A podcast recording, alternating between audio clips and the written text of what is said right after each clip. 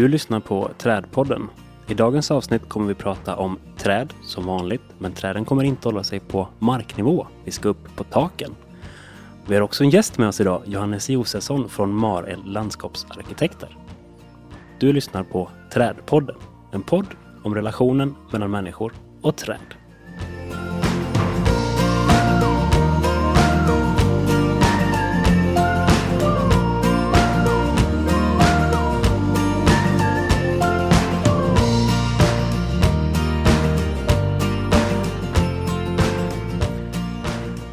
Hallå Gustav, Hallå Anton, tjena. hur är läget? Det är bra. Gött? Taggad på podd? Ja, som Ja. alltid. Taggad Ja. på Trädpodden. Härligt, härligt.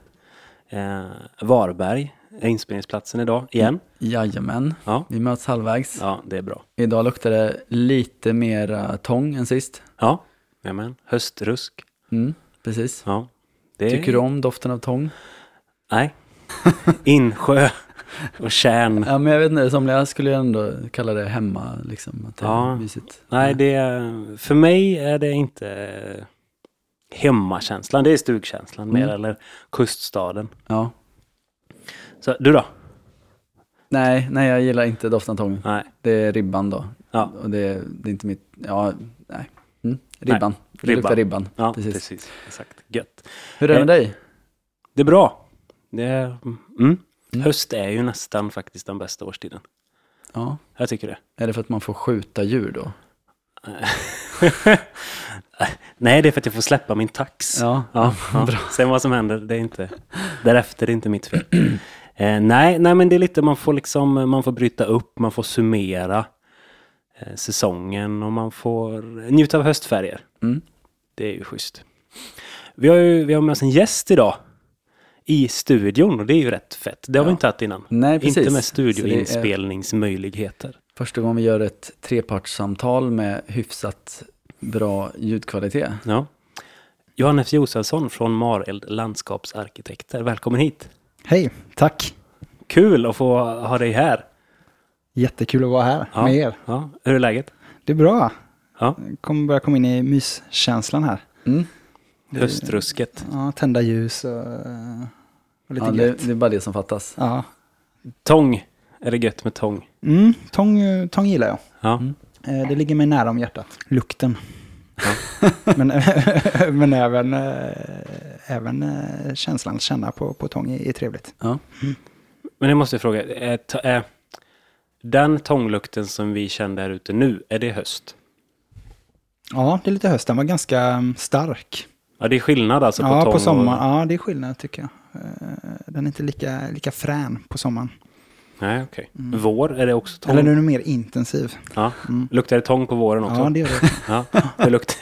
Nej, det är också intensivt. Det det är faktiskt det är mer intensivt på vår och höst. Ja. Ja. Mm. ja, det undrar man ju varför. Ja, det kan man. Ekologigruppen, eller vilka har vi som lyssnar som kan sånt här? Ja, Ja. precis. Ja. Apropå tång så är det ju väldigt näringsrik eh, gödsel. Ja, just det. Har man gödslat eh, fälten runt om Malmö med förr Mm. i tiden, väldigt mycket. Sen så insåg man att den var lite väl salt kanske. Mm. Nu vet jag att det pågår, pågår försök med att avsalta tången för att kunna göra den bästa, mest näringsrika komposten av det. Mm. Ska vi sluta prata havsväxter nu och komma igång på lignoserna och träden? Ja, det tycker jag. Ja, nu kör vi. Trädpodden vill tacka vår sponsor Mareld Landskapsarkitekter. Nordens främsta landskapsarkitektkontor och förstahandsval för kunder med högsta ambition vad gäller gestaltad livsmiljö. Är du nyfiken på Marelds många olika tjänster och projekt? Gå in på mareldlandskap.se. Tack Mareld Landskapsarkitekter. Utan ert stöd hade vi inte kunnat göra den här podden. Mareld Landskapsarkitekter är ju en av eh, våra sponsorer. Och det är ju superkul att få hinna sitta ner med er. Eh, men vad är din bakgrund? Vad har du för roll? Jag är ju då som sagt landskapsingenjör och eh, jag håller på mycket med eh, ja, vad ska man säga, växttekniska frågor. Mycket så eh, rätt träd på rätt plats eller rätt växt på rätt plats. Eh, så växtdesign och eh, hur vi leder vatten eh, till träden på bästa sätt i staden när vi ritar liksom eh, torg och, och gator och, eh, och tak också för den delen. Och, eh, sådana typer av saker. Sen gör jag skötselplaner och eh, trädprogram. Och, eh, Trädprogram, kan du utveckla det bara lite? Ja, det är inte och trädplaner också för den delen. Men äh, att trädprogram, det, det var något jag gjorde när jag äh, jobbade i Stockholm. Eller jag jobbar lite med det fortfarande. Äh, det är det är hur vi säkerställer äh, äh, så att vi får rätt träd på rätt plats helt enkelt för en Mm. ny stadsdel i Stockholm. Mm. Ehm, och lite hur... eh, det är ju massa gator då i den här nya stadsdelen och det är en ny stadspark och det är lite torgytor och lite sådana här gött och som har olika förutsättningar då. Eh, Medan det är ganska eh, skuggigt på lokalgatorna som kommer vara. Och eh, de kommer stå i en viss typ av miljö och då gäller det att välja rätt träd för den platsen. Medan det är en helt annan situation i stadsparken där då. Och, och även på torgytorna där det kanske är mer blåsigt och, och öppet så, och sol. Mm. Jag tänker vi ska komma in lite på trädplanssnacket längre fram. Men skulle du säga att du är en person som har relation till träd? Absolut, Ja. det skulle jag säga. Hur, hur, hur grundar sig den? Men det är ju lite från... Eh, jag har alltid gillat naturen Mm. väldigt mycket sen jag var barn. Och, eh, och också lagt märke till träd. Det har jag kunnat reflektera över nu i efterhand. Mm. Att jag gjorde det när jag var liten. Eh, och tyckte någon vackert hängande gren någonstans och eh, ett snyggt blad och sådär. Eh, men sen kickade det igång ordentligt alltså under utbildningen eh, som vi gick då. Eh, för då var ju fantastisk plats Alnarp där. Eh, det var som när jag lyssnade på Ediths avsnitt när ni intervjuade henne. Mm. Jag kände igen väldigt mycket det hon sa.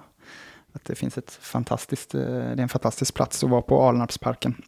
Med väldigt mycket härliga träd och, och, och bra lärare som inspirerar en. Och, och det kickade igång mitt intresse eh, väldigt mycket. Mm. Mm. Det var som att du förstod när du började studera så kunde du liksom, om jag tolkar det nu då, ta till dig saker som du insåg att du hade tittat på som du var ett barn egentligen. Ja, verkligen. Ja, ja. Det accelererade. Mm. Häftigt. Men det är någon- kul. Ja. Är det någon... Eh, har du något speciellt trädminne så från din barndom? Mm. Jag har no några minnen. När jag gick i lågstadiet, där är ettan, tvåan, någonstans här trean, då var vi och badade mycket vid våran badplats och då var vi alltid vid ett eh, träd. Mm. Som då visade sig vara en alm nu på äldre dagar har jag sett. och, och det trädet tyckte jag var så härligt att lägga väskorna under och byta om till bollkläderna. Mm. Och jag gillade, jag tyckte, tittade alltid upp i den där trädkronan och tyckte den var snygg. Eh, och jag tyckte också det var konstigt att det var bara jag som uppmärksammade det. Ja. Mina polare. Alla Det andra var ingen gav blanka fan i det där där trädet. liksom. Att det var bara jag som fokuserade på det där trädet. Mm. Men att jag tyckte det var, eh, ja, det var härligt med rumsligheten kring det trädet och att det var, hade en snygg eh, grenarkitektur och, och, och, och det gjorde att jag gillade den platsen väldigt mycket. Mm. Står trädet kvar idag? Vet du Ja, det? det gör det. Ja. Fast det, det är lite, ja, det mår inte superbra. Det är en alm också. Ja, det är en alm också. och sen har jag en annan grej, det är ju också att vi var i samma ålder, var vi mycket vid ett litet, litet eh, bokbestånd. Okej. En liten bokskog eh, i Lerum då, eh, utanför Göteborg. Eh, och där var vi på utflykt med skolan. Och den pelarsalen var ju mäktig att befinna sig inne där Mm. i, inuti det där härliga alltså- gröna rummet. Som vuxen i en pelarsal så är, det, så är det en sak. Men jag minns tydligt som barn, det var väldigt snabbt kopplingar till typ Star Wars, Ja, eh, något annat. Alltså det var, det var, då liksom genast befann jag mig i någon sorts film. Eh, kottarna blir till eh, nå- ja, nå- någonting man kan slänga som, som laserskott och, och liksom, ja. även det. Nej men det var skithäftigt. Slänga sig bland löven. Mm. De här, ja. Nej, säg. Jag skulle bara säga de härliga boklöven. Det är speciellt prassel. Ja, Och de är prasslet. mjuka och så är de liksom ofta torra. Eller Ja. liksom, Ja. det, Ja, det är en underbar känsla. mm. Det, en grej jag, men det har jag börjat tänka på nu sen vi har börjat spela in den här podden för att man blir lite knäpp när det gäller ljud också. Mm. Man, ja, men vi, vi vill ju leverera bra ljud. Det är det vi vill göra. ja, Vi det, precis. Och Det är snack. egentligen bara det podden handlar om. Så bra ljudnivå som möjligt. och lite lite härlig fakta om träd. Nej, men när man befinner sig i, en, i, en, i ett bestånd som just är en pelarsal, då händer det någonting med ljudbilden. Mm. Eh, Man får en luftighet, men som ändå, det finns en känsla av att ljudet dämpas. Det är jätteintressant. Mm. Det är kanske en viktig del av det. Mm. Säkert. Ja. Det är annars också, jag har en kollega som brukar prata mycket om det, för det är ju en, eh, en villfarelse att liksom träden dämpar ljud. Och det gör de ju egentligen inte. Alltså, alltså massa dämpar ljud. Men, men det, det finns ju en anledning till att man hör så himla långt i skogen. Men dels är det ju för att det är ganska tyst, men Ja. även att, att eh, liksom i, i särskilt en pelarsal så är det ju väldigt lite som står i vägen. Alltså ljud kan färdas väldigt långt. Mm. Ehm, Ja, men det blir samtidigt ett tak. Jag tänker på Mm. avsnittet vi spelade in med Kristina Alex Müller. mm, Ehm, när man, man upplevde ljudmässigt upplevde man att man befann sig under en skärm. ja, När man lyssnar på det i efterhand. ja, verkligen. Och jag tror att kroppen, eller i alla fall sinnet, läser in det där väldigt mycket mer än vad vi själva är medvetna om. Mm. Okej, bokbeståndet, det var... Mm. Det var ja, det, ett minne grej. också. Ja, Ja. ett härligt minne. Ja. Och allt det fanns liksom nära, min- nära till hands Ja, när i, du växte upp. i min närhet. Ja, ja, det låter ju grymt. Trädpodden vill tacka vår sponsor Berg och landskap. De tar hand om er utemiljö från första penndraget till sista spadtaget. Vill du veta mer om Berg och landskaps tjänster? Gå in på bergochlandskap.se. Tack Berg och landskap. Utan ert stöd hade vi inte kunnat göra Trädpodden.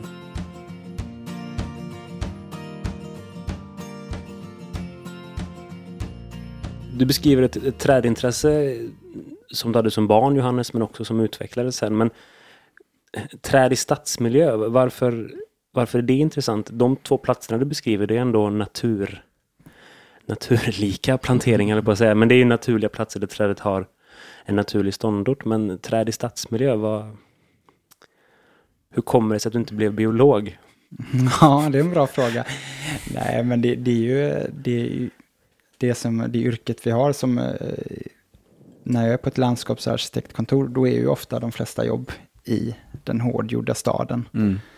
Och, eh, och även parker och kanske bostadsgårdar och sånt. Och, och det är en, en, en hårdgjord miljö. eh, Så, och då, eh, det, det ju, handlar ju också om under utbildningen lär vi oss mycket om det. Ehm, och så det har fallit sig så helt enkelt. Mm. Att det, är, det är det som gäller. Mm. Ehm, Det är där som staden utvecklar allt mer av det gröna, kanske. mm, Eller? absolut. Det är väl ganska sällan ni får en beställning på eh, planera in ett bokbestånd 1,7 hektar. Nej, Södersluttningen det, här. Det har jag inte varit med om än. Nej. Det, det, då jobbar man nog på en annan typ av arbetsplats. Ja. När man får de jobben. Ja. Vi pratar ibland om att det går trender i, i träd, Gustav. Ja. Det, det, att det går trender, det tror jag i sig är en trend. ja, men alltså, det, det har vi pratat om innan, att, att, att trädgård har blivit en trend. Ja. Och att trädgård har blivit en trend eh, tror jag också gör att eh, vårt yrke till viss mån också har följt med upp och att man pratar mer om stadsträden nu. Alltså det där går ju samman. Men ser du någon trend när det kommer till sortval? Alltså en riktig sån trendspaning. För jag tänker, om man, du är den personen som sticker upp pekfingret och känner av liksom, vart blåser trendvinden när det kommer till träd? Har du något sådär i rockärmen? Oj, ja, det är en god fråga. Eh, alltså det är ju, det finns ju många, många att, att välja på. Men eh, alltså mm, i Stockholm till exempel, nu jobbar jag i Göteborg, men jag har jobbat i Stockholm eh, några år här nu och, och där är de ju väldigt sugna, och jag själv också, på att mm, plantera in eh, mycket eh, kinesisk sequoia Mm. i, i stadsmiljö. Eh, som har visat väldigt fina resultat. Eh. Metasequoia Glyptostroboides. Exakt. Ja. Eh, som ett barrträd, ett lövfällande barrträd. Precis. Eh, Barrfällande barrträd? Ja. Eller? ja, Lövfällande ja, vad säger man? Jag vet inte, det är- jag kan hålla med. Det kan fundera Lövfällande. lite. intressant. Lövfällande, absolut. Men eh, ja, det är ett litet... ehm, men sen om man personligen får välja. Nej men vänta lite där, det är intressant. Varför då? Varför har de börjat plantera in mer kinesisk metasequoia? Ja, men man har, Kinesisk sequoia. ja, men dels är det ju ett väldigt, eh, väldigt exotiskt träd som sticker Mm. ut i, i den hårdgjorda staden. Eh, och att den har eh, snygga, härliga barr. Som är, de är ganska sirliga liksom. Mm. Eh, och, och stammen är Mjuka. ju otroligt, ja de är mjuka barren ja, Mm. och stammen är ju fruktansvärt vacker. Och, och det blir som kontrast mot övriga hårdgjorda staden. Eh, och även de lövfällande träden, skulle jag vilja säga.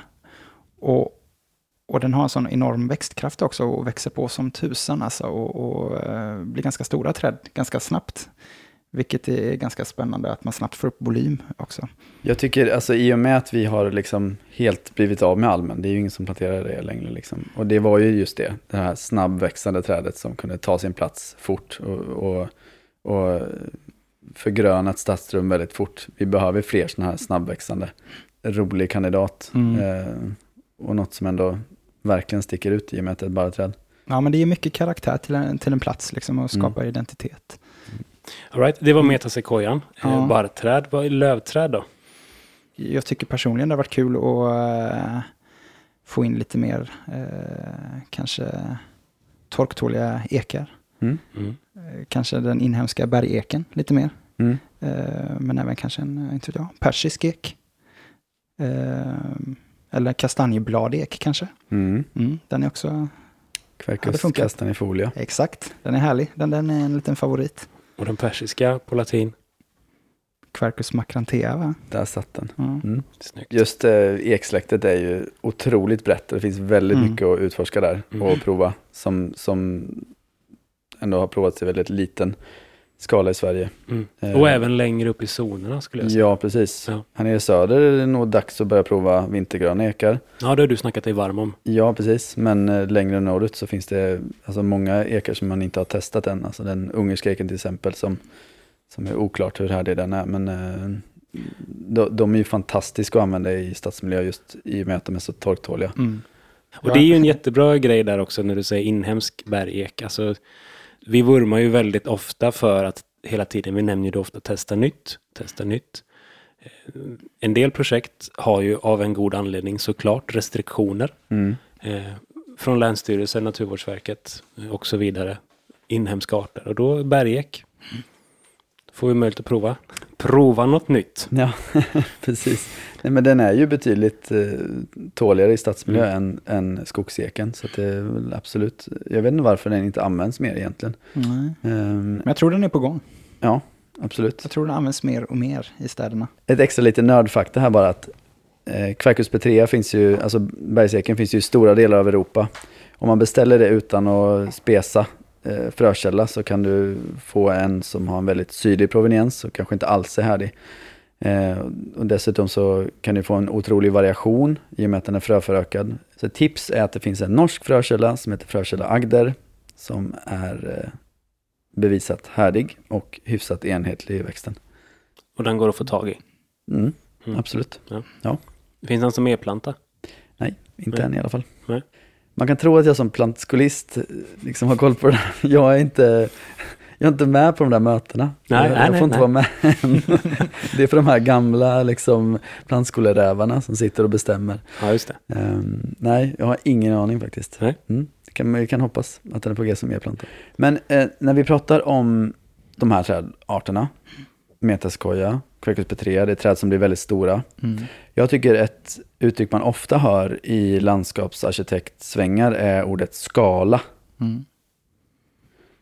Med skala tänker jag, eller jag tror att många liksom menar då att, att träden ska anpassa sig till husens storlek. Eller de ska passa in eh, bland husen. Mm. Eh, det vill säga de ska helst aldrig tangera höjden på husen. För då, då bryter de skalan. Eh, har jag tolkat det rätt? Ja, det är ju fel fråga att ställa till en landskapsingenjör. Mm. De här eh, detaljerna. Men det är det som är så skönt Nej, men, det är som då, har men ofta tänker nu. man ju på att ta ner, ta ner skalan. Mm. Ehm, eh, för att liksom det ska inte kännas helt sjukt i huvudet, höga byggnader och mm. gött om du får in det här krontaket så du kan gå under på gatan. Mm. För, det, för jag tänker ju liksom, Dels så tänker jag, fan skit i skalan. Liksom. Mm. Det viktiga är väl att vi har träd som tar sig och, och bjuder på ekosystemtjänster. Mm.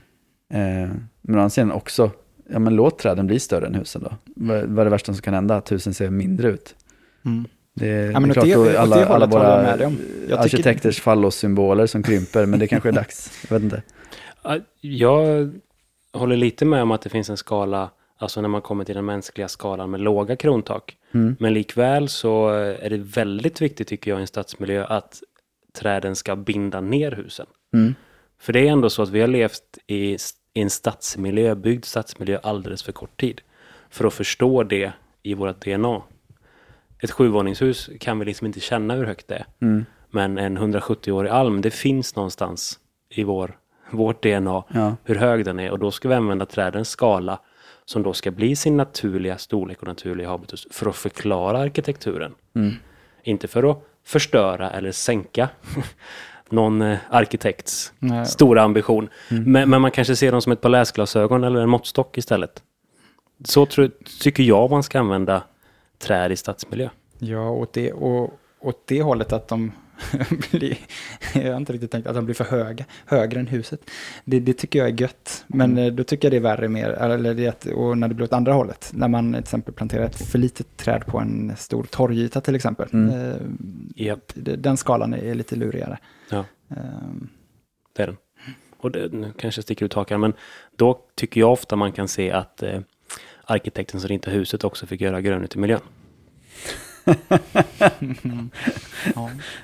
Men det är en spaning. Mm. Kanske. Ja.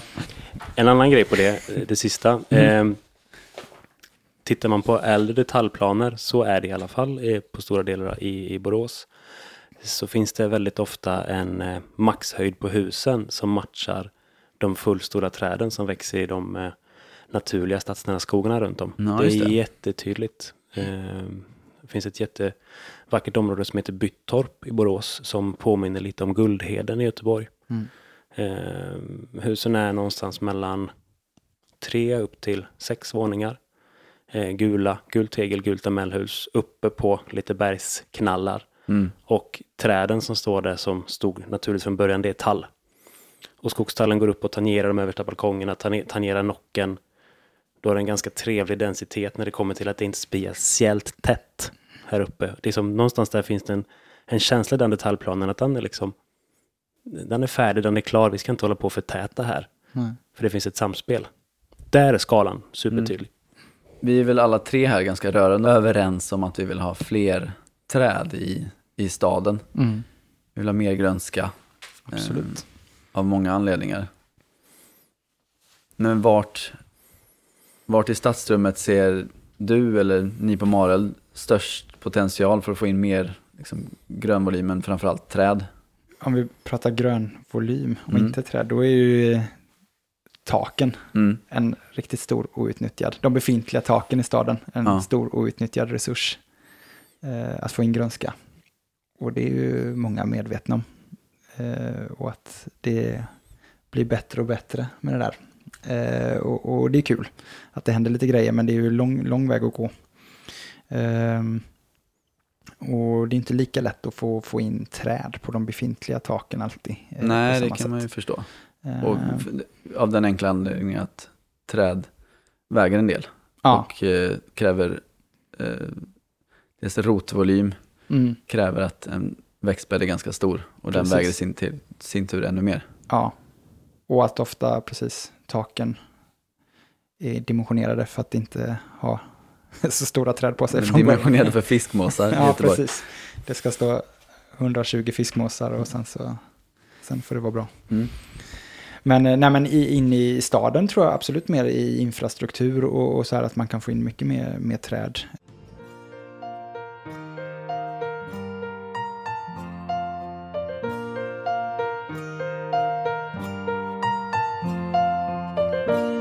Jo, vi nämnde ju lite, um, vi var inne och tassade lite på trädplanen där. Som Ja. vi har jobbat på för Stockholm. Alltså, um, Trädprogram och Trä- trädplan. ja, Två olika grejer. ja. Vad är det du har gjort då? Lite Ja, kort. både och. Ja, Okej, så här då. Men förklara skillnaden lite kort. Mm. Bara trädplan, trädprogram. Mm, vad är Trädplan. skillnaden? Nej, men eh, okej, det- när jag har gjort trädplaner då, det är ju, eh, eller när vi har gjort trädplaner så har vi ju, eh, det, då har det handlat om befintliga parker, i, Mm. i det här fallet i Stockholm, eh, och hur de ska utvecklas och vilka träd man ska återplantera. Om man vill ta in nya arter eller vill man bevara med de gamla arterna, vilken karaktär ska man ha? Är det några riskträd som behöver tas ner, som på sikt kommer, som kanske är sjuka? Eh, och och hela den biten som man gör liksom en trädplan kring, väldigt specifikt kring Mm. alla träden på, i den parken. Eh, I detalj, ganska detaljerat. Mm. Det är trädplan, Mm. trädprogram. Eh, det är något vi har tagit fram för en ny stadsdel i Stockholm. Eh, Som heter? den heter Hagastaden. Ja, I vilket väderstreck i Stockholm? Den ligger norr mot Solna till, Mm. eh, knyter ihop Stockholm och Solna. Och, och det är ju en jättestor ny stadsdel där och som kommer ha, det är väl 20 lokalgator tror jag och en ny stadspark och två, tre torgytor. Och, Mm. nej, jätte, det händer väldigt mycket där. Och då har vi tagit fram ett trädprogram där vi verkligen ser till så att rätt träd kommer på rätt plats. Eh, och att man inte bara använder sig av alltså, samma arter liksom. På, Mm. på, så att vi, vi kör lind på alla lokalgator. Nej, precis. Så vadå, det, det är ett sätt att förhindra att, att de som eh, de som sen ska gestalta de här torgen, att de väljer fel växter. Här har de ett, ett, ett urval att gå efter och det är, ni, där har ni kommit fram till Precis, rätt det ska växtval. ge riktlinjer att Ja. rätt träd väljs på rätt plats. Och, eh, och det är ju vi som väljer träden där också då i, tillsammans med Stockholms stads Mm. trädexperter till exempel. Mm. Eh, och bollar de idéerna. Men det är ju just för, för det handlar också om biologisk mångfald och, och ekosystemtjänster också för, för den delen eh, till väldigt stor del. Omfattar eh, trädprogrammet allmän plats endast eller pratar ni någonting om innergårdar? Det, det här hand- behandlar bara allmän plats. Mm. Eh, Så det är, Detaljplanen styr innergården men då handlar det mer om att det ska vara ja. grönt eller inte. Sen har vi varit med och gjort innergårdar där också. Okej. Men eh, det är inte på samma, samma sätt. Det här är mer ett... Det, det är ett bra sätt, tycker jag. Jättebra sätt för att säkra upp att, att man får en hög biologisk mångfald. Och också eh, i och med att det är så stor stadsdel får man verkligen chansen att, att passa på att testa lite nya, nya arter och inte bara köra det gamla goa. Mm. Vad det är nu? Lind. Lind. Lind, skogslind och Ja. parklind. Mm. Typ. Och alm då, men den är. Och alm. Men vi kör lite almar där också. Men Mm. mm. sådana här resistenta almar. Vilka då? Eh, det finns en som heter Reborna, eh, en hybridalm. Och en som heter New Horizon tror Yes. jag. Eh, de två ska vi testa. Den här stadsdelen smäller man inte upp på ett år. Nej, Det finns väl också en styrka i att trädprogrammet också då är gällande över tid. det är superbra. För det byggs ju, det har väl hållit på sedan 2010 tror jag och ska är klart 2025. Mm. Så det är ett ganska långt projekt och de första gatorna står klara medan vissa gator byggs om några år. Mm. Och eh, halva stadsparken kanske är klar om två år medan den är helt klar om 2025 då. Mm. Och, och det hinner ju hända väldigt mycket eh, tills dess. Och om till exempel det är ett landskapsarkitektkontor som håller på med det hela vägen. Eller om det är massa andra kontor som jobbar med det och olika personer. Och, och det är ju det ofta är, man jobbar ju i team och väldigt många personer inblandade i sådana här projekt. Mm. Och då är det ju väldigt bra att ha ett sånt här program för att, för den ena kanske jobbar med fyra gator på något ställe medan någon annan jobbar med en torgyta Mm. Ja. på ett annat ställe. Och det kanske är bra att se, till, se så det inte bara är, ja, inte vet jag, gliditier över hela Mm. skiten. Men du sa det att de första eh, träden har planterats. Ja, Hur känns det? Alltså, om, om, tänk tillbaks några år till när du gick på utbildningen. Eller liksom, hade du kunnat drömma om det här? Drömde du om sånt här? ja lite. Ja. Är det, det måste ändå kännas riktigt fett och känna att du har varit med och planerat det här och nu planteras det. Och nu Ja. kan du liksom i resten av ditt liv följa de här träden, Det är deras coolt. utveckling. Det är ju, eh, ja men ett eh, härligt exempel det är ju då till exempel på, ehm, finns en torgyta där som heter Torsplan då. Mm. Två stora hus som ska stå där, två höga hus. Och, och då är det perfekt. Och som vi har lärt oss under utbildningen, man lär sig massa olika sorter på träd och grejer. Och, och Mm. då är det, får man ju verkligen tillfälle att testa till exempel då korstörne som är Glidizia triacanthus. Ja. Och passa på på den torrytan och, och eh, som vi gör nu då testa eh, fyra olika eh, korstörne. Fyra olika namnsorter. Ja, Mm. för att kunna, eh, eller den rena arten och sen eh, testar vi tre Mm. sorter. Blandat då på den ytan för att eh, för egen del kan jag gå tillbaka om massa år och kolla hur det Den utvecklar sig. Och var Sunburst bättre än eh, Shade Master? Nej, inte Just det. bättre, men man kan se, man, man ser eh, olikheterna kan man se på, på eh, verkligen nära håll detaljstudier. Ja, precis. Det är väldigt lätt att läsa någonstans. Ja, Gärna i en och samma katalog om de här tre olika Ja. Ja. sorterna. Och sen så tror man att det är facit. Men det är, Ja, och det är sånt ser- vi har lärt oss under utbildningen och det, det är därför det är så kul att få testa det i praktiken, att verkligen jämföra dem bredvid varandra. Mm, och, jämföra de här. Vad var den tredje sorten? Eh, Rena s- arten och- eh, arena- Skyline också Skyline. testar vi. Mm. Och eh, det handlar ju också om vi, lite var de befinner sig på den här torgytan. Att till exempel där det finns lite mer plats, där trädet står lite mer eh, solitärt, eller vad man ska Mm. säga. Kanske det står en Shade Master som breder ut sig lite mer och blir Mm. lite större. Medan Skylinen är lite annorlunda i sin växtform. mm. Eh, Så det är lite sådana man går in på, Mm. små detaljer som är lite viktiga ändå. Mm. Rena arten har ju tornar. De här namnsorterna Ja, saknar ju precis. Det är Exakt. också spännande att se hur allmänheten reagerar på det. Och, Precis. Och, för de är ju riktigt vassa. Det är Ja. liksom inte, det här, det är inte en liten tagg. Och de är inte så små heller. Nej. Och det som, är härligt med den rena, det som är härligt med den rena arten det är ju att det kan bli ett väldigt spännande växtsätt också. Mm. Eh, kan växa lite hur som helst. Mm. Mm. Vilket bidrar till karaktären också, vilket är tanken då, till platsen. Mm. Mm. Ehm, Så att inte allt ser enhetligt ut. Det är väl Mm. det som är en tanke. Just det. Att det inte ska vara. Och, det, och tanken med platsen och trädvalen är också beskrivna i trädprogrammet. Precis. Ja, Mm. så att inte det kommer sen då en hurtig trädbeskärande människa.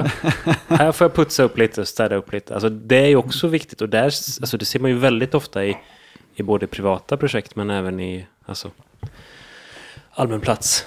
Hur man ska ta hand om det. Mm. Mm. Kan trädprogrammet användas till viss del och planera skötsel också?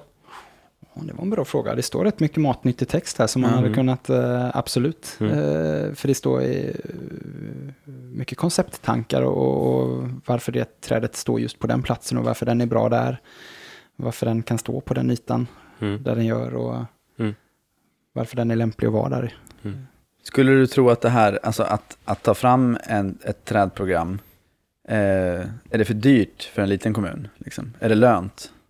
Man kan nog lägga olika nivåer på det Mm. tror jag. Men det behöver inte vara, här sitter jag med en stor bibba här liksom som är som har utvecklat sig under årens gång. Mm. Men det, det är ju, det bör, nej. Det tänker jag att man verkligen, det är bara en bra, det räcker ju egentligen med en, ett Word-dokument. Så egentligen all ny exploatering borde ha en, Ja, en liten, ett det tycker jag är superbra. Och någon som är engagerad i frågan och eh, ser till så att rätt träd kommer på rätt plats. Om man vill ta del av det här trädprogrammet, finns det att läsa offentligt? Oh, det tror jag inte. Nej. Eh, däremot kan man ju kolla då med kanske eh, Stockholms stad eller exploateringskontoret Mm. som har den. Ja. Den är fortfarande ett arbetsmaterial i och med Ja, ja, parken fortfarande, eller hela stadsdelen Jag tänker just att här, trädplaner brukar ju ligga offentligt på respektive kommuns hemsida och så Mm, vidare. Precis. Mm. Men det här är ju liksom, ja, det, det är en liten annan grej så Mm. specifikt för det här projektet. Du nämnde gliditian. Eh, finns det något annat, någon annan art, en annan sort som du fick med i det programmet som du tycker är... Oj, ja, ja det är ju massa. Ja, men någon, finns det något roligt. sånt där ögongodis? Nej, men de första gatorna nu som planterades då, det, det var ju något vi ritade in för tre, fyra år sedan. Det, de, de planterades ju nu i, Mm. I år. fyra år efter. Man ritar något, det är ju helt sjukt. Men Ja. det, är ju, det är ju liksom, eh, det var ju kul då, tyckte jag. Då Mm. var det ju Humlebok till exempel. det. Mm. Ostria, precis. carpinifolia. Carpinifolia och även Celtis occidentalis som är amerikansk bäralm. Yes. Mm. Eh, och lite roliga alar, så här italiensk al, Anus cordata och även Berlin eh, eller vad heter den? Berliner al kanske? Mm. Anus späti. späti. Yes, Det är underbart att säga. Jag kan säga det hela, Ett gött namn. hela Ja, kvällen. men mycket sånt, men, men också att man får testa, eh, alltså roligt, det finns ju mycket roliga ekar och grejer också. Det finns ju Mm. några sorter, de här Quercus, vad heter den? Macon, heter den så? Gustav? Nej, nu får- Quercus Macon och Quercus Mauri. Det, Ja. det, det är två eh, smalväxande ekar, Ja. eh, hybridekar, som Ja. är spännande, som jag är lite pepp på att se vad som händer med dem framöver. Trädpodden tackar vår sponsor Bara Mineraler. Ett innovativt företag som utvecklar och säljer pimpstensbaserade substrat för trädplantering i stadsmiljöer och andra krävande platser. Pimpstenen gör att det livsnödvändiga vattnet och luften når ner till trädets rötter. Vill du spana in några lyckade trädplanteringar med Bara Mineraler substrat? Gå in på baramineraler.se. Tack Bara Mineraler. Utan ert stöd hade vi inte kunnat göra Trädpodden. Om vi, om vi återgår till, eh, till din nuvarande arbetsplats och, och Göteborg. Ni på Mareld har ju hållit på med en hel del spännande projekt. Dels innan du kom dit kanske, men eh, ehm, det är ju något pågående. Att Mareld är ju med och jobbar på, eller med jubileumsparken för Göteborgs stad. Precis. Och det fick ju även Sienna-pris, Sienna-priset i år. Yes. Kan du berätta lite mer om det projektet? Ja, eh, det finns ju något som eh, kallas Shoreline Park där, eh, strandparken. eh, är det som en, en spelar Shoreline? Daniel? Hans, Bara- Nej, det jag det? tror inte det Jo, det måste Broder det. Daniel-koppling. Spela Shoreline för fan. Det måste det väl Ja, vara? det är helt sjukt, det är ju det. Ja, det, är, Det är det klart är ju det fantastiskt. Ja, det har jag inte tänkt på. Du har inte Mm. tänkt på det? Nej, det är klart det är en Broder Daniel-koppling. Ja. Ja. Ja, det är stökigt. Men i alla fall, eh, det, det är väl en sån experimentyta där man kan testa växter, jordmaterial och, och, och möblering. Och, och tanken är väl lite att lärdomar från den här strandparken då är, kan man använda vid vidare utveckling av jubileumsparken, den som byggs nu Mm. eh, framöver här. Och det är i den här strandparken som den här berömda bastun står. Ja, Den Som också som något fått- Som är hämtat från Skrotnisse. typ. ja den är ju Ja. skitcool. Alltså. Som också fått designpris i någon form, va? Arkitektpris tror jag. Ja, det har den nog fått. Jo, men jag kan inte säga vilket.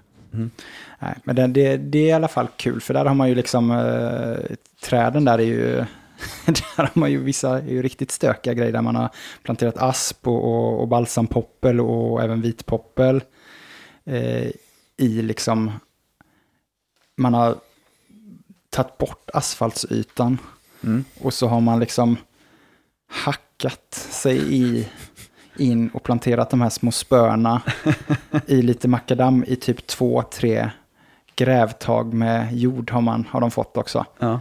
Så nu efter några år står de fortfarande och vuxit i alla fall, ja, men kanske ja, en meter, en och en halv Mm. från när man planterade dem, vilket är svincoolt bara för att testa liksom, vad pallar de här.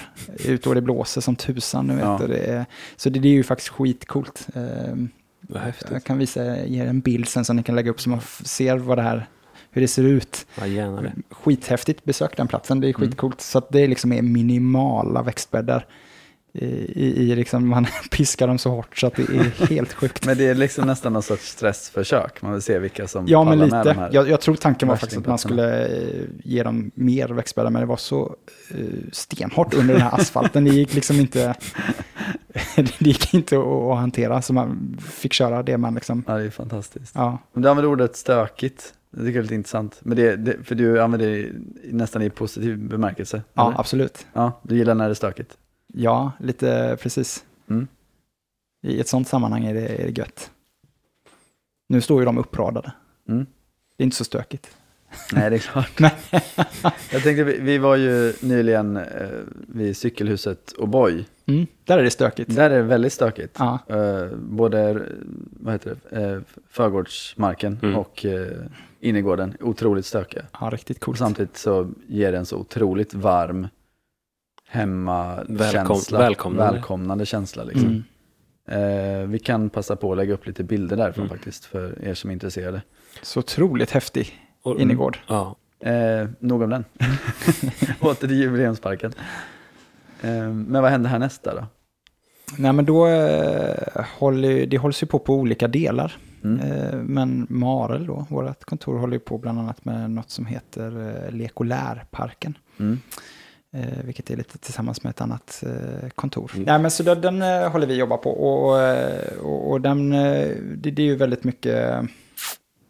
Den kopplar, hela den parken, det är att det ska koppla liksom parken till grönstrukturen i, i Frihamnen och Göteborg. Mm. växtligheten, om vi pratar träd just. Det, det är en stor grej där, med just den parken. Fortsättning följer Mm. kring den. Okej. Men den ska stå klart till jubileet, 2021. delar av den.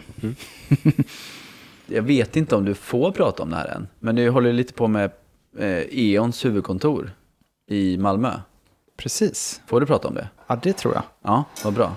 För det är ju, jag har ju fått lite inblick i det i alla fall. Det är jäkligt häftigt. Ja, det är ett häftigt, eh, det blir, det är ett häftigt kontor på så sätt att det är så sjukt mycket grönt tak. Ja, för du är lite, alltså, du dyker upp i sammanhang som har med, med träd på tak att göra. Och Ja, skulle kunna säga att du är expert på träd på tak.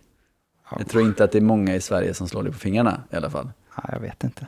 Men Nej, det tack, det var, det var snällt. Mm. sagt.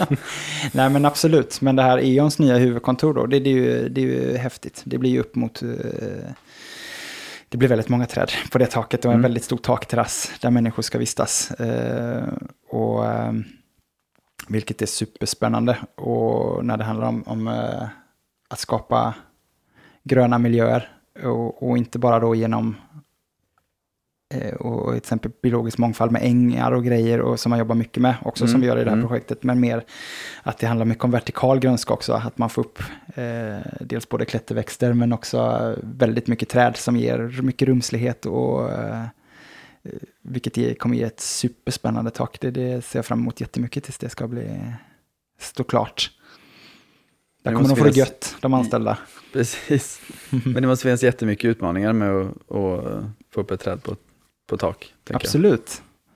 Ehm, det finns det. Det finns mycket man, man ska tänka på.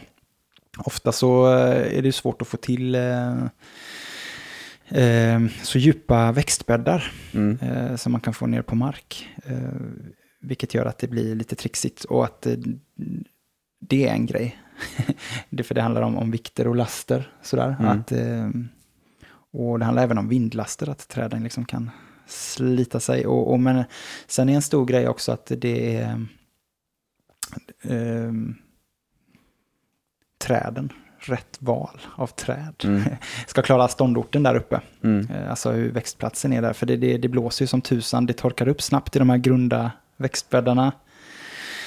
Och det på sikt kanske det inte är, i början kanske man vattnar, kanske inte finns bevattning sen, det Mm. vet man inte. Och eh, då kan du inte ställa något, kan du inte ställa din skogslind där uppe Nej, som står och trycker. Då får du, eh, får ut i skärgården kanske. ja, då, närmast. precis. Och, eh, nej men så, så, så då får man ju kolla på liknande växtmiljöer ute i naturen till exempel, Mm. vad det finns för trädarter där. Och, och, men och sådana frågor bollar jag också till exempel med andra experter inom området, Mm. eh, så man kommer fram till vad man vill ha. Eh, och jag gillar ju tallar till exempel, Ja, och det passar ju väldigt bra på, på ett tak. och då är vi ju där ute i skärgården. Ja, Alltså klippskrevor, yes. eh, hemska miljöer egentligen för, för träd att växa på. Ja. Det är blåsigt och, och torrt och varmt på sommaren. Vindpinade tallar. Ja, Finns det något bättre? nej, Nej. jag vet inte. Nej, det finns det faktiskt inte. tror vi ska göra någon omröstning. Liksom. Det kanske vi ska. Nej, omröstningen på, vi gör en omröstning på Instagram. Eh, omröstningen är, är vindpinade, vindpinade tallar det snyggaste trädet? Ja eller nej? Mm. Nej men sen handlar det också ja. mycket om eh, just det här alltså att man ger även bästa förutsättningar för trädet. Dels att du väljer rätt träd, men också att du, du ger rätt förutsättningar för trädet. Mm. Och det handlar om att ett träd på en plantskola, innan det ska upp på taket, det kanske är oftast, eh, Gustav du som har koll, är Mm. ofta kanske då torv, Mm. eh, den här rotklumpen. Eh, Medan i taket har man alltid... torv eller lera. Alltså, Torv, ju torv eller lera. Och på taket har man, jobbar man alltid eh, med lättviktsjordar, så här pimpstensbaserade och kanske biokoli och grejer, Mm. men som kan hålla fukt längre i alla fall och, och är lättare, väger inte så mycket just för att det, det handlar om de här lasterna som vi pratade om. Och då kan ju det bli en rejäl chock för träden när de kommer upp. Mm. Eh, det torkar ut snabbare i den rotklumpen än vad det gör i resterande och att det kan bli svårt för rötterna att sprida ut sig i, i det där. Mm. Eh, Så det kan vara viktigt att tänka på eh, att man faktiskt kanske företablerar de här träden. Eh, se till att de företablerar sig i samma eh, jordsubstrat Mm. som sen kommer vara uppe på taket. Eh, det, det är ju ett, ett, ett, en viktig ingrediens för Mm. att träden faktiskt ska överleva och kunna etablera sig på ett bra sätt. Mm. Om vi ska förklara företablering så är det så att eh, du beställer träden i samma växtuppdrag så de planteras i det på plantskolan. Precis, man tar bort torven från, eller leran från rötterna och Mm. sätter det i ett nytt, det här lättviktssubstratet så att det får börja bilda finrötter i den där istället. Mm. Eller vad säger du Gustav? Ja, jo, Ja. det är korrekt. Ja, men företablering är, det är Ja. inte helt givet. Va, vad kan hända annars då? Säg att, eh, ah, vi hann inte, det blev bråttom. Här Mm. har du 20 tallar, släng upp dem, det är inte så noga. Ja, ja, det är lurigt. Dels också är ju en till grej då om jag får flika in, det är också att göra den så vid. Och man gör ju den ganska grund, den här eh, rotklumpen då på trädet, Mm, just för att det kanske handlar om att man bara har 50 centimeter kan det ju vara. Mm. faktiskt sådana situationer där man ändå vill ha träd. För att du har en stor växtbädd som ganska mycket växtbäddsvolym. Mm. Men du har i- den inte så eh, hög helt enkelt. Eh, och så man vill göra den vid och så vill man göra den eh, grund. Mm. och, och då för att skapa stabilitet helt enkelt så att det inte står och ruckar så mycket och blåser. Och så vill man ju att den förankras också på ett bra sätt. Mm. Eh, vilket är viktigt för att det blåser som tusan. Och står den och ruckar på sig hela tiden på ett tak Mm. så, eh, så kommer den aldrig etablera sig. Nej, Då kommer det. den till slut liksom bara tackla av ändå. Mm. Så det är också en viktig aspekt. Mm. Eh, Men om man bara lyfter upp de där Mm. direkt så då är det ju verkligen en stor risk att rotkluppen just står och ruckar på sig. Och kanske torkar ut snabbare. Och, och det finns ju väldigt många sådana exempel där, det, där man har fått byta ut träd och det ja, kostar ju precis. Men jag, men jag tror också det är så himla viktigt att göra det rätt från början. Alltså, så här, du, du har genom tidigare projekt och kanske också förhoppningsvis genom det här projektet en chans att statuera ett exempel på att det går Mm. om man gör rätt. Mm. Ehm, för risken är ju att folk fortsätter göra fel och sen så säger man det går inte det här. Vi kan inte ha träd på tak, så vi Nej. slutar med det. Så jag hoppas det fungerar. Ja, vi verkligen hoppas att det fungerar. Annars kan jag Eh, tacka för mig. Ja, precis. Men eh, är, det, är det högstammiga träd eller, eller Nej. buskträd eller hur? Det är då mindre flerstämmiga träd Mm. som är lämpliga att välja då. Är det av estetiska skäl eller? Bå- Både och. Det är Mm. både estetiska skäl men också just det här med vindlaster. Det fördelar vind bättre och att det, det finns större risk att Mm. trädet faktiskt eh, drar omkull om det är ett enstammigt stort träd med, med en krona. Mm, det är klart. Eh, och estetiskt tycker jag det är snyggare. Eh, alla framförallt uppe på en takterrass tycker jag det passar bättre. Eh, med mindre flerstammiga träd. Mm. Det är snyggt som tusan.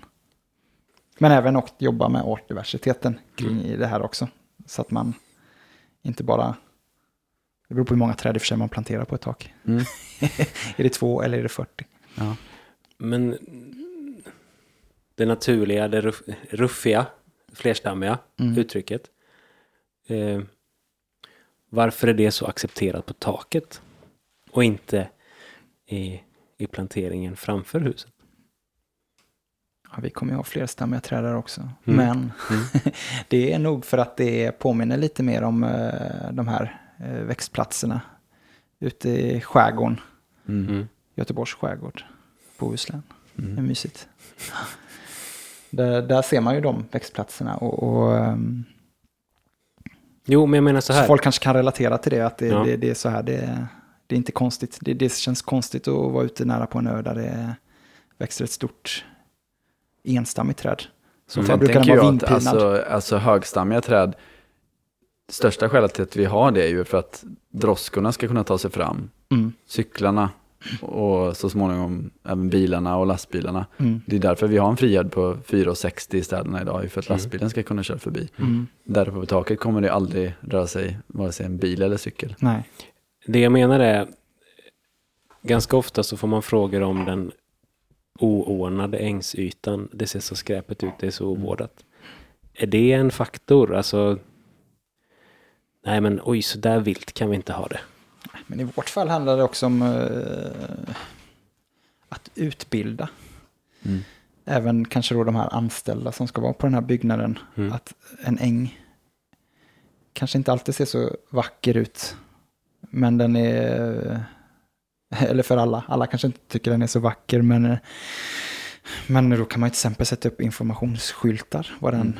bidrar med. Mm. Att det finns i en jädra massa växter i den där ängen som är viktiga och kanske finns rödlistade arter med där som är viktiga att bevara. Och, så det handlar mycket om information också och eh, hela den biten tror jag. Men nu, nu, nu återkommer vi ju till det här, till det stökiga. Mm. Mm. Är, är det det som är nästa trend helt enkelt kanske? Ja, det tror jag. Det ser man ju nere i Europa mer. Där man, man är ju mer tolerant mot det stökiga i, i Tyskland Alltså att, att det planterade kan få se ut som ruderatmark, ja, men som en, precis. som en lämnad ödetomt. Ja, och Att det kanske till och med är det man vill, alltså, man vill uppnå, att det ska Ja. se ut som en ödetomt. Verkligen, och att man... Det kostar ju också, det är ju en stor diskussionsfråga med drift och sånt. Mm. Så det vet ju du Anton. Mm. Att det, det är ju liksom en stor grej och, och minska drift kan man ju, det, det, ser man det då är det jättebra, positivt och, och Mm. då kanske det ökar toleransen. Jag tror att det känns som att toleransen ökar lite mer faktiskt åt det hållet. Och egentligen så är ju, alltså om man tänker efter, en, en väldigt os, oskött och stökig yta Mm. har ju ofta mer bladmassa. Alltså är i, de Ja. facto grönare Ja. än den, eh, den nitiskt skötta. Ja. Mm. Men är det specifikt för tak? Nej, ja, det är nere i staden också tänker jag. Mm. Mm. Och, och det med skötsel också kring det. Att det jag, jag tror människors, alltså, eller toleransen kring det är inte att det blir... Det är lite som eh, Industrigatan vi har pratat om tidigare. Mm. Ja, Det är ju väldigt stökigt, Ja, Mm. verkligen. men Och jag väldigt älskar det. härligt. men jag tror inte alla gör det. Jag vet inte. Taket på, på EM-projektet, eh, kommer man kunna, ska det beträdas? Eller ska det bara tittas på? Nej, det ska, vissa delar ska beträdas av de Mm. anställda. Och vissa delar kommer man bara se via fönster. Mm. Eh, arbetsplatser kommer man kunna beskåda ett stycke natur. Mm. Och vissa platser är enbart för djuren. Mm. Där kan ingen vara. Det är ju klockrent. Ja, det är häftigt. alltså att, att bara säga det. Så här, men det här är inte för oss människor. Nej, no human zone. Så då vistas man egentligen på hårdgjord yta? Eller? Alltså där du sätter din fot, det är det jag far lite efter. Ja, trä, trädäck, Ja. jo, absolut. Mm. Det, det, Ja. det kommer det vara. Och klart, då gör det också en skillnad. Då kan du ju planera för och bygga för en stökigare miljö. Som också inte då kommer trampa sönder av en mänsklig fot. Mm. Så den, så att säga, ja, ruderatmarken du försöker fejka där uppe med mer bladmassa kommer också kunna vara intakt. Och det stökar i kontrast, tänker jag, mot en väldigt så här prydligt trädäck eller något annat. Mm. Som är, ka- kanske är kantbeskuret, väldigt snyggt. Mm. Det, är- det är ju en, Det är tufft. en härlig kontrast. Ja, eller? verkligen. Jag håller med. Tror du det är en långvarig trend? Vad sa du om jag tror att det är en? En långvarig trend. Oj, Om vi nu nej, konstaterar att det är en trend. ja, det vet jag inte. Det är ju mycket snack kring biologisk mångfald eh, nu och det är viktigt att vi tar det på allvar. Att inte bara det blir ord Mm. som sägs, eh, trendiga ord. Eh, I alla fall inom vår yrkeskår är det viktigt att vi tar de orden på allvar Mm. och verkligen försöker med det också då. Och inte, inte bara något som sägs. Eh, så jag tror inom yrkeskåren blir det bara bättre och bättre och, och det är vi som formar de här typen av landskap. Så att eh, vi har en viktig roll, men eh, vi får ta den på allvar. Mm.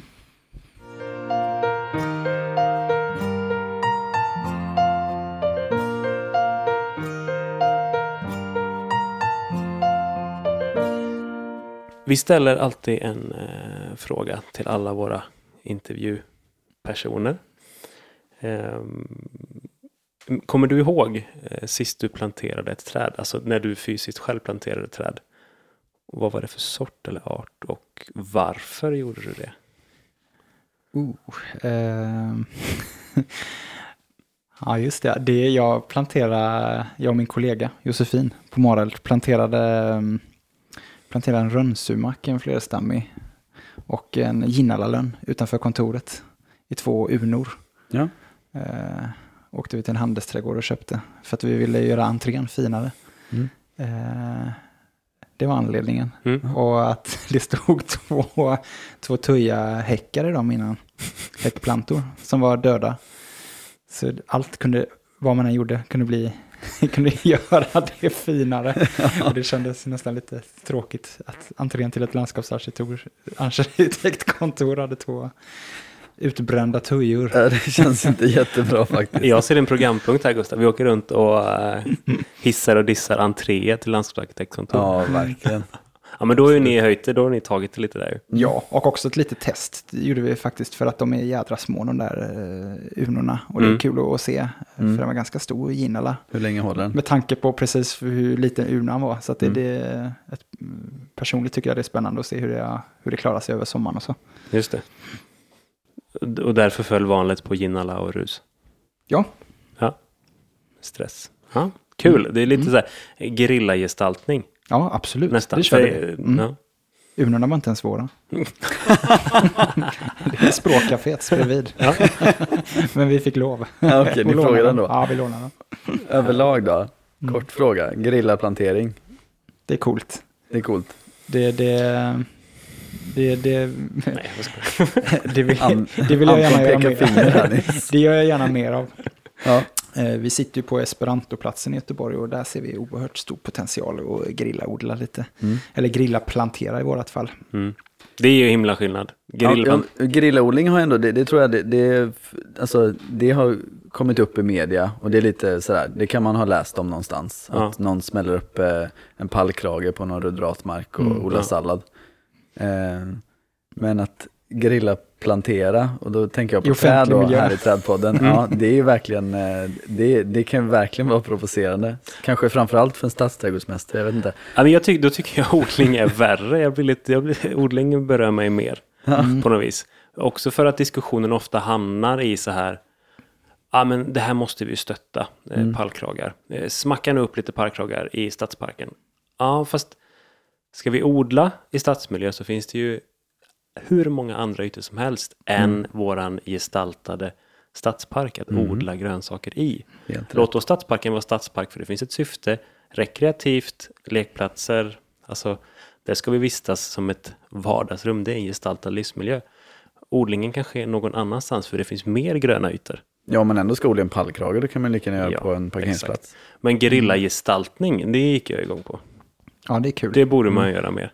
Jag har ju kört lite gorilla pruning, det gillar jag. Men det, det, det kan man ju uppmana med försiktighet till. Men om, om man som jag känner sig ganska säker på, eh, på sågen, eh, alltså en, en liten handsåg, så eh, kan alltså ibland så kliar det så mycket i mina plantskolistfingrar att jag inte kan hålla mig. Senast var det en förskola, jag kommer inte tala om var, men där någon jäkla skötsel eller driftspersonal har varit och sågat i eh, ett plommonträd och lämnat en så här två decimeter lång stump bara på en gren. Och då kunde jag inte låta bli. Då sprang jag och hämtade sågen. Mm. Så det gjorde ett fint snitt och lämnade grenkragen. Perfekt. Ja, men det är bra. Jag älskar Ja, hör. Ja. det är underbart. Och även så här, ja men, eh, ja det, det är kanske något jag ska börja göra mer. Alltså till exempel, om, om man hittar en, en väldigt buskig sak, men ändå av något som är en träd, ett träd, säg en, en eh, sälj Mm. eller en, eh, en hägg Mm. till exempel. De blir ju ofta väldigt flerstammiga, buskiga. Men då kan man ju välja att just på den här, om man hittar någon liten individ någonstans, så kan man klippa bort eh, smågrenarna ner till och spara de, de övre och plötsligt har man format sig en väldigt fin, eh, fin solitär Mm. på en plats där det, där det kanske inte var meningen. Ja. Ja, men det är nog en jättebra hobby för den som vet vad den håller på med. Ja, vet Det- inte om jag vågar uppmana till det här. Nej. Ja, men det handlar ju om själavård också, Gustav. Ja, precis. Det är ju det. Ja, men absolut. Ja. Ja, Man mår ju bra av det Mm. i själen. ja, jag trodde du gick in i trädgårdar och var upprörd över att någon klippte eller inte klippte i ett fruktträd. Ja, men det är nästa steg. Mm, ja, Mm, mm. Absolut. Mm. Sen är det Men anstalt ja, jag, och jag, jag har gjort, faktiskt får jag erkänna, eh, jag har ju någon gång sådär lite snabbt gått förbi en grannes träd och klippt till. Alltså när Det det, bara är så här helt fel, liksom. Dubbeltopp eller Ja. gren som växer rakt in och så. För ibland så har jag bara sekatan i fickan, bara Ja. när jag går runt. Så Mm. då kan man lite snabbt igenom det är kvällstid. Jag outar mig alldeles för mycket här, men jag, ja, det, jag har faktiskt gjort det flera gånger. Ja. Jag får erkänna. Mm. Ja. Fortsätt med det. Gorilla pruning, Ja. nästa steg. Det är bra. Eh, mm. Grymt Johannes, härligt samtal. Eh, jag hoppas att eh, framförallt tänker jag att du har skickat lite pepp till eh, unga studenter eh, som ser att, eh, alltså just för att jobba med, som du var inne på Gustav, stora trädplaner ganska snabbt efter att man kommit ut som nyexad. Det, det finns en möjlighet. Eh, Sa vi att du har pluggat till landskapsingenjör? Ja, vi sa Ja, att vi har gått i samma klass. Ja, men då så. Mm. Eh, Jag kan förtydliga det igen, ja. om någon glömde vad vi sa i början. Ja. Ehm, och att det är lite peppande och grymma samtal om eh, Osynliga planteringar Ja, till gerilla. ja. ja men grymt. Ja, Eh, tack. tack så jättemycket.